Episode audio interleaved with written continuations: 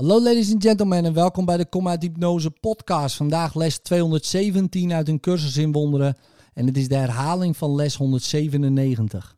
Ik ben niet een lichaam, ik ben vrij, want ik blijf wat ik ben, zo schiep God mij. Ik kan alleen maar mijn eigen dankbaarheid oogsten. Wie anders moet voor mijn verlossing dank betuigen dan ikzelf? En hoe kan ik, behalve door verlossing, het zelf vinden aan wie ik mijn dank verschuldigd ben? Ik ben niet een lichaam, ik ben vrij. Want ik blijf wat ik ben, zo schiep God mij. In liefde, tot morgen.